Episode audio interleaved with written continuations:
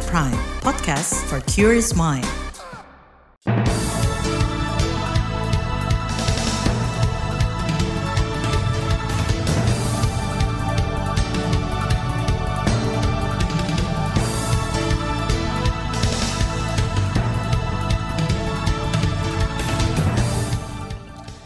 Selamat pagi saudara, berjumpa kembali dalam Buletin Pagi edisi Selasa 10 Januari 2023 bersama saya Naomi Liandra.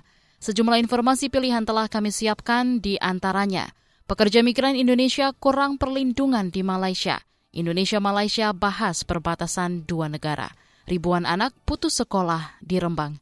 Dan inilah Buletin Pagi selengkapnya. Terbaru di Buletin Pagi. Perlindungan pekerja migran Indonesia PMI menjadi salah satu hal yang dibahas dan disepakati dalam pertemuan antara Presiden Joko Widodo dan Perdana Menteri Malaysia Anwar Ibrahim di Istana Kepresidenan Bogor kemarin.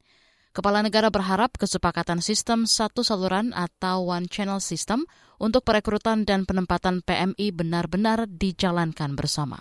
Tadi saya mengulangi permintaan saya mengenai pentingnya pembangunan Community Learning Center di Semenanjung untuk memenuhi hak pendidikan anak-anak pekerja migran Indonesia. Jokowi mengapresiasi komitmen pemerintah Malaysia melindungi pekerja migran Indonesia. Selain itu, Presiden Joko Widodo meminta Perdana Menteri Anwar Ibrahim membangun fasilitas pusat pendidikan untuk kebutuhan anak-anak pekerja migran Indonesia. Perdana Menteri Malaysia Anwar Ibrahim menegaskan isu pekerja migran Indonesia menjadi salah satu prioritas kunjungannya ke Indonesia. Termasuk permasalahan yang melukai uh, perasaan rakyat Indonesia soal TKI, pekerja dan sebagainya. Saya jawab kepada Presiden, saya ini juga dari orang yang tersisih dan terbuang. Lebih mengerti erti keadilan, erti pemerataan, erti keadilan sosial. Bukan soal memihak kepada Indonesia atau Malaysia. Memihak kepada prinsip keadilan dan manusiawi. Itu tadi Perdana Menteri Malaysia Anwar Ibrahim. Saudara, hubungan negara tetangga Indonesia-Malaysia tak lepas dari beberapa masalah. Catatan Komnas HAM pada Desember tahun lalu, ada sekitar 320 ribuan WNI berpotensi tidak memiliki keluarga negaraan atau stateless di Malaysia. Komisioner Komnas HAM Anis Hidayah mengaku telah merekomendasikan pemerintah membentuk tim kerja khusus menangani PMI dan anak-anak mereka yang terancam kehilangan kewarganegaraan. Karena itu, Komisi Ketenagakerjaan DPR mendorong pemerintah terus mengedukasi dan sosialisasi terhadap PMI dan keluarganya agar memerhatikan status kewarganegaraannya. Tujuannya, menurut anggota Komisi Ketenagakerjaan DPR Rahmat Handoyo, supaya tak ada lagi pekerja migran Indonesia yang terancam stateless atau tidak memiliki keluarga negaraan saat mereka bekerja di luar negeri ancaman kehilangan warga negara itu adalah nyata gitu ya. Tetapi suatu hal yang itu pasti bisa kita selesaikan dengan baik. Bisa jadi warga kita yang tidak mengurus, terlalu mengabaikan, kemudian banyak yang non prosedural sehingga administrasi prosedur itu harus dijalankan dan kalau tidak dilakukan saya kira bisa kehilangan kewarganegaraan. Nah untuk itu edukasi, sosialisasi kepada warga kita dan keluarganya dan anak-anaknya yang ada di Malaysia maupun negara lain harus kita kita dorong agar diberikan kemudahan. Anggota Komisi Ketenagakerjaan DPR Rahmat Handoyo menilai kedua negara perlu mempermudah penyelesaian permasalahan pekerja migran yang terancam kehilangan status kewarganegaraan, termasuk pekerja migran yang tidak mengetahui kewajiban pengurusan administrasi status kewarganegaraan karena tak memiliki dokumen. DPR mendorong langkah agresif pemerintah Indonesia melindungi pekerja migran di luar negeri. Pemerintah mengakui perlu ada penguatan kewenangan di Badan Perlindungan Pekerja Migran Indonesia BP2MI. Menurut Kepala Staf Kepresidenan KSP Muldoko, itu penting agar BP2MI mampu memberikan perlindungan terhadap PMI, sebab hingga kini masih marak agen ilegal penyalur PMI. Di satu sisi Badan Perlindungan Pekerja Migran Indonesia BP2MI mengklaim telah mengupayakan berbagai strategi perlindungan terhadap pekerja dan calon pekerja migran Indonesia sejak pengurusan administrasi di tanah air. Kepala BP2MI Beni Ramadhani menjelaskan hal itu dalam sebuah acara diskusi pekan lalu. Ada kebijakan yang diskriminatif selama ini, yang berlangsung bertahun-tahun, yaitu ketidakadilan bagi anak-anak bangsa yang memiliki peluang kerja atau memiliki kesempatan yang diskriminatif yaitu sistem yang sentralistik. Misalnya Korea. Jadi sekarang, nah untuk 2023, verifikasi dokumen sudah didistribusi ke setiap UPT. Jadi di mana ada kantor BP2MI, di mana orang berdomisili di situ, orang Sulawesi Utara cukup verifikasi dokumen di Sulawesi Utara. Kepala BP2MI Beni Ramendani meminta calon pekerja migran Indonesia ikut mengawasi dan mengkritik pemerintah jika masih ada pihak-pihak yang menyulitkan prosedur keberangkatan. Menurutnya ini penting untuk mencegah PMI terancam kehilangan kewarganegaraan mereka saat berada di luar negeri. LSM pemerhati pekerja migran Migran Care menyebut pemerintah masih kurang dalam melindungi pekerja migran Indonesia. Menurut Koordinator Advokasi Migran Care, Siti Badriah, banyak pekerja migran di sektor domestik dan perkebunan yang belum mendapat perlindungan maksimal faktanya memang teman-teman PMI yang ada di Malaysia itu perlindungannya masih kurang. Apalagi yang teman-teman yang ada di PRT, sektor PRT, kemudian perkebunan kelapa sawit itu ya. Koordinator Advokasi Migran Care Siti Badriah juga meragukan implementasi sistem satu saluran atau one channel system yang digunakan untuk perekrutan dan penempatan PMI, sebab sistem itu dipegang dan dikuasai perusahaan perekrut pekerja migran. Migran Care juga mendorong pemerintah memperhatikan pekerja migran dan keluarganya yang terancam tak memiliki kewarganegaraan atau stateless. Pajak daerah naik sepanjang 2022. Informasinya hadir sesaat lagi, tetap di Buletin Pagi KBR. You're listening to KBR Pride, podcast for curious mind. Enjoy!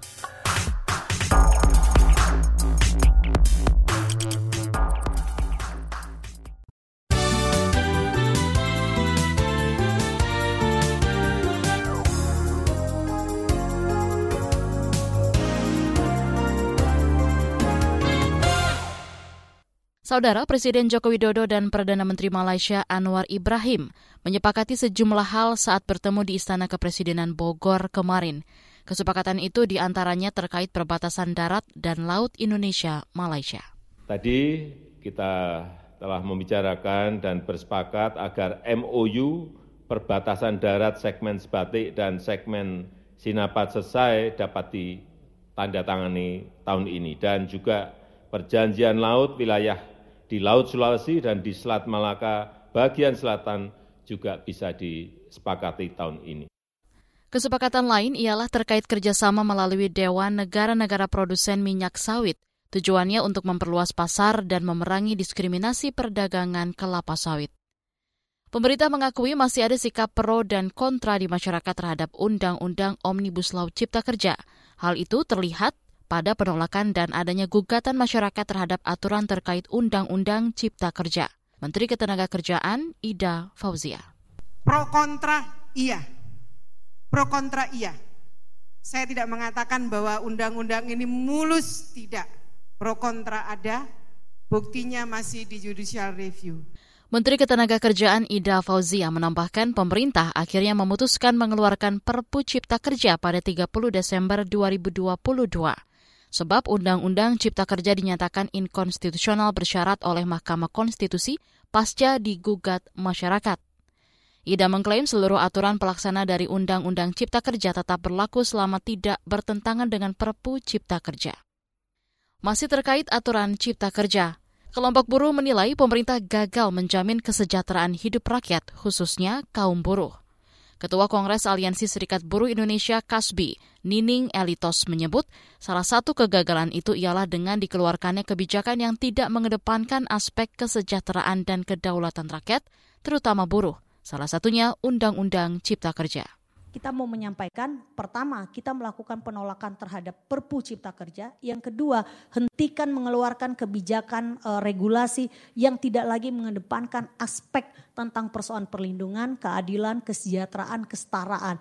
Nah, itu yang saya sampaikan dalam posisi e, Perpu Cipta Kerja. Artinya kita menyampaikan bahwa presiden kekuasaan hari ini adalah sudah tidak patuh terhadap konstitusi negara kita, sudah tidak memperdulikan kedaulatan itu di tangan rakyat. Ketua Umum Kasbi Nining Elitos menambahkan buruh bersama rakyat dari berbagai elemen akan melakukan aksi unjuk rasa mendesak DPR menolak Perpu dan mencabut Omnibus Law Cipta Kerja hari ini.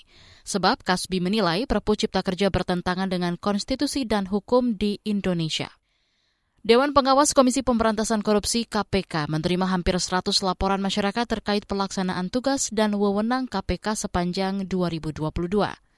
Menurut anggota Dewan Pengawas KPK Harjono, sebagian besar laporan berhubungan dengan penindakan, eksekusi, koordinasi, supervisi, pencegahan, monitoring, pendidikan, serta peran serta masyarakat. 96 itu bisa kita klasifikasi lagi. Dari 96 itu ada surat jawaban kepada pelapor. Jadi kita memberikan jawaban terhadap pelapor itu jumlahnya 27. Sedangkan yang kedua, pada saat kita menerima surat eksternal tentunya oleh uh, kita, Dewas, itu diteruskan kepada unit kerjanya. Anggota Dewan Pengawas KPK Harjono mengungkapkan dari 90 laporan, 20-an di antaranya menjadi bahan rapat koordinasi pengawasan antara Dewas dengan pimpinan KPK. Ada belasan laporan yang terpaksa diarsipkan karena identitas pengirim tidak diketahui. Selain itu banyak laporan masyarakat yang masuk di luar kewenangan Dewan Pengawas. Beralih ke informasi ekonomi. Kementerian Keuangan mengklaim penerimaan pajak daerah meningkat pada 2022. Menteri Keuangan Sri Mulyani menyebut pajak daerah naik hingga 120 persen tahun lalu. Saya melihat penerimaan pajak di daerah-daerah dari sisi pajak restoran, hotel, parkir, naiknya itu enggak 11 persen, 20 persen, naiknya itu 60 persen, bahkan 120 persen. Meaning ini enggak cuma fenomena di Jakarta, ini fenomena di hampir semua daerah. Growth di semua pulau di Indonesia sudah tumbuh. Mungkin yang paling rendah Pulau Sumatera, namun itu pun di 4,7. Menteri Keuangan Sri Mulyani memprediksi pertumbuhan ekonomi di kuartal keempat juga tetap kuat di atas 5 persen. Optimisme ini datang dari meningkatnya konsumsi masyarakat imbas peningkatan mobilitas di akhir tahun. Selain itu, dana pihak ketiga diperbankan juga turun hingga 9,5 persen. Artinya, kelompok menengah melakukan konsumsi dan mendukung perekonomian. Kemudian, kredit diperbankan dan investasi serta kinerja ekspor juga meningkat.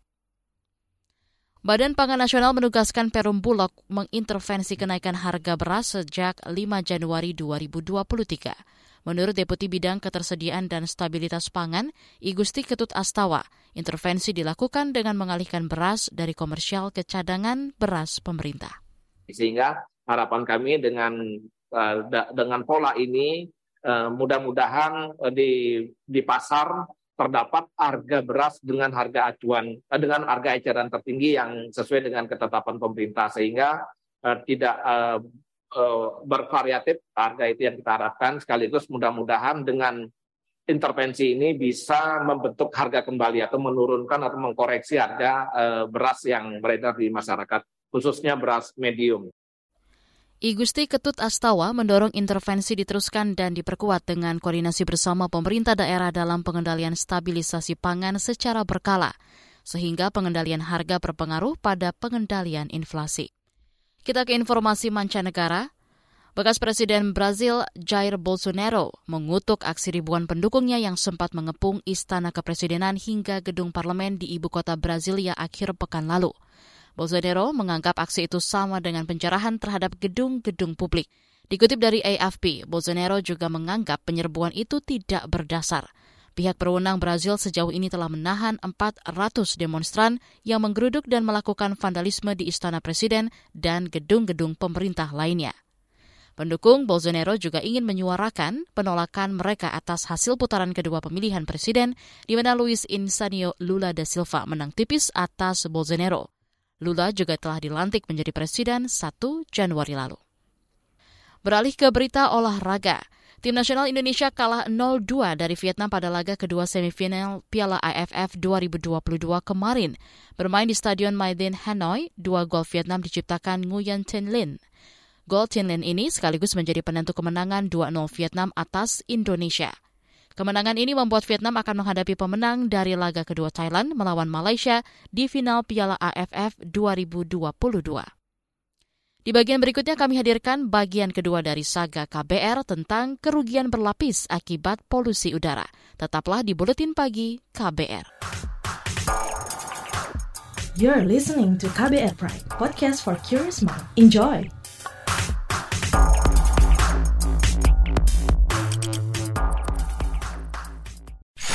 Commercial break.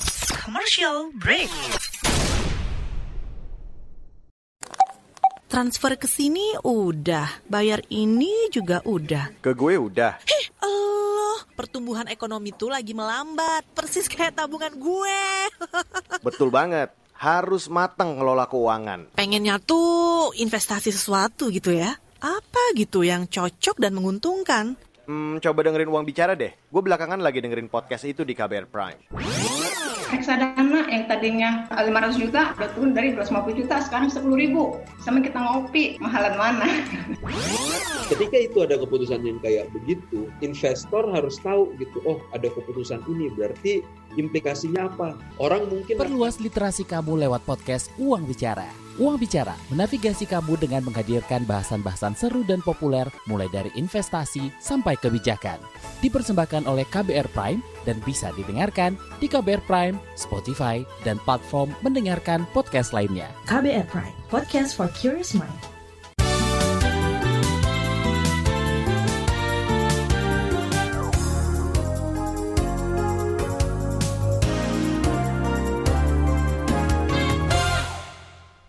Anda masih bersama kami di Buletin Pagi KBR.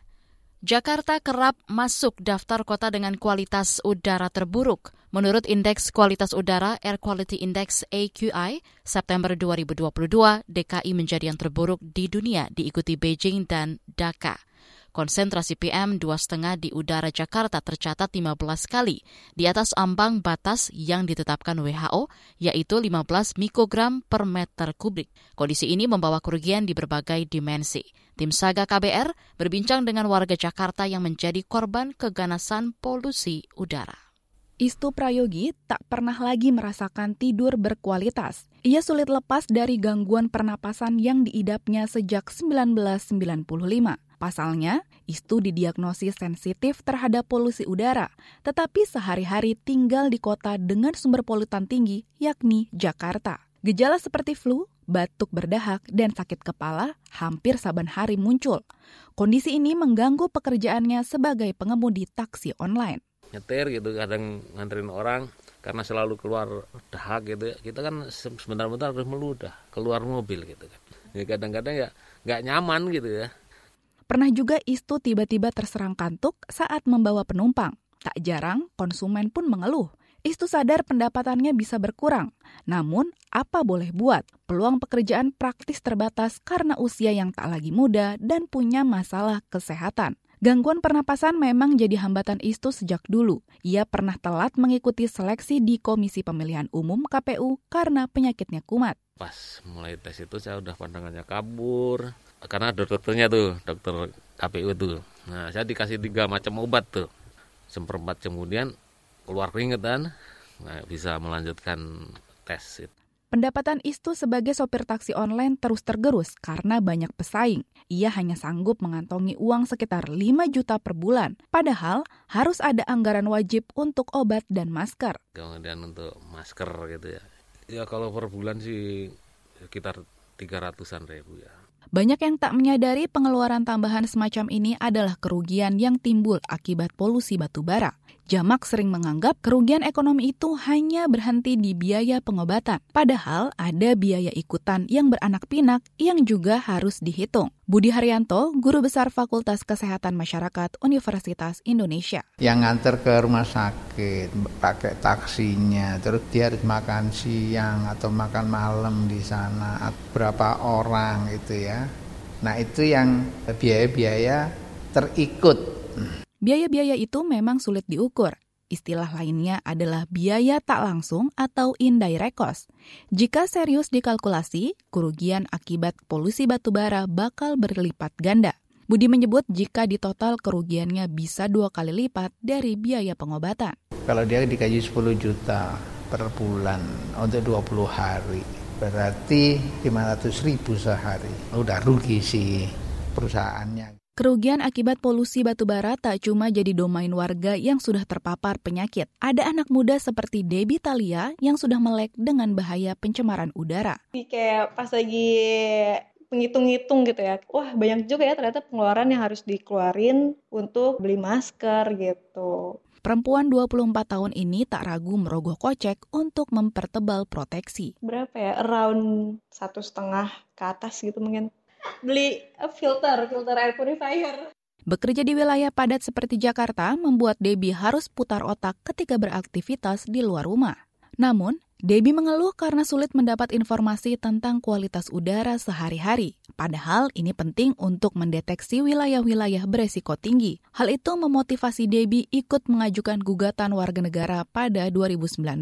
Ia bersama 31 warga lain, termasuk Istu Prayogi, menggugat Presiden Joko Widodo dan jajarannya, serta Pemprov DKI Jakarta atas buruknya kualitas udara. Belum periksakan ke dokter spesialis terkait, tapi posisinya aku ini adalah potensial korban. Pada 2021, pengadilan memenangkan gugatan warga negara dan dikuatkan putusan banding Mahkamah Agung pada 2022. Pemerintah diharuskan memperbaiki kualitas udara Jakarta. Anies Baswedan, Gubernur DKI Jakarta saat masih menjabat berjanji memenuhi putusan. Kita genjot serius soal transportasi umum. Kedua adalah kewajiban untuk uji emisi. Uji emisi juga salah satu untuk mengurangi dampak negatif dari kendaraan bermotor yang beroperasi di Jakarta. Pemprov DKI Jakarta telah memiliki tiga strategi dan 75 rencana aksi yang akan dituangkan dalam peraturan gubernur terkait pengendalian pencemaran udara yang saat ini tengah difinalisasi. Guru Besar Fakultas Kesehatan Masyarakat Universitas Indonesia, Budi Haryanto mengingatkan peran pemerintah sangat krusial dalam pengendalian polusi udara. Sumber-sumber pencemaran udara seperti kendaraan bermotor dan pembangkit listrik tenaga uap PLTU mesti di-stop atau disubstitusi. Yang ngelit adalah pemerintah kan, mengajak swasta dan sebagainya. Ketika manusia banyak yang tahu dan menyadari dan kemudian melakukan aksinya ditunjang oleh peraturan, perundang-undangan, fasilitas, prasarana-prasarana, dan sebagainya. Demikian Saga KBR, saya Valda Kustarini. Informasi dari berbagai daerah akan hadir usai jeda. Tetaplah bersama Buletin Pagi KBR. You're listening to KBR Pride, podcast for curious mind. Enjoy!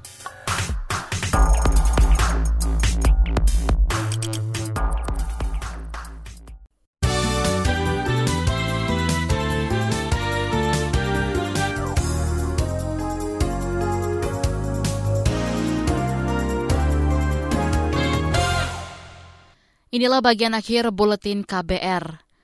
Saudara ribuan anak di Kabupaten Rembang, Jawa Tengah putus sekolah. Laporan selengkapnya bersama reporter Radio Jaringan Musyafa. Ribuan anak di Kabupaten Rembang, Jawa Tengah putus sekolah. Hal itu terdata dari program Gaspol 12, Gerakan Ayo Sekolah Pol 12 tahun, yang digulirkan Dinas Pendidikan Pemuda dan Olahraga Kabupaten Rembang, guna mengembalikan anak putus sekolah agar bisa bersekolah lagi minimal sampai jenjang SMA sederajat. Dari 1.400-an anak putus sekolah di 6 kecamatan, 150-an anak di antaranya berhasil dibujuk untuk kembali sekolah, sehingga masih tersisa 1.300-an anak. Wakil Bupati Bupati Rembang M. Hanis Kolil Barok menuturkan masih banyak pekerjaan rumah yang harus dikerjakan karena angka itu baru di enam kecamatan. Kita bekerja satu tahun pun ini kan belum bisa optimal karena separuh setengah tahun kemarin juga pandemi masih sedemikian rupa, sekolah juga belum buka secara total. Jadi ini mungkin salah satu kendala bagi kawan-kawan Gaspol untuk mengembalikan lah, merekrut kawan-kawan yang putus sekolah untuk kembali lagi. Hanis menambahkan kebanyakan anak putus sekolah karena faktor ekonomi. Musyafa R2B Rembang melaporkan untuk KBR. Gempa bermagnitudo 5,6 mengguncang Pacitan, Jawa Timur kemarin. Pusat gempa berada 90 km tenggara Pacitan. Badan Meteorologi, Klimatologi, dan Geofisika BMKG menyebut pusat gempa berada di laut kedalaman 10 km. BMKG juga menyatakan gempa tidak berpotensi menimbulkan tsunami. Gempa Pacitan juga dirasakan warga di Yogyakarta. Sejauh ini belum dilaporkan kerusakan dan korban akibat gempa tersebut.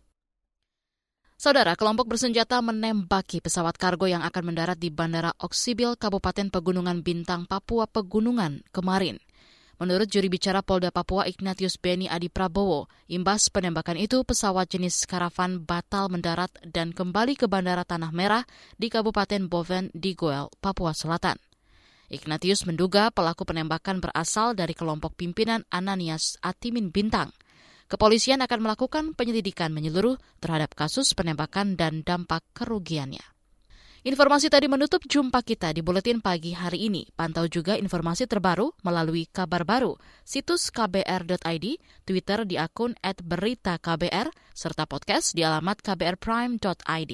Saya Naomi Liandra bersama tim yang bertugas undur diri. Salam.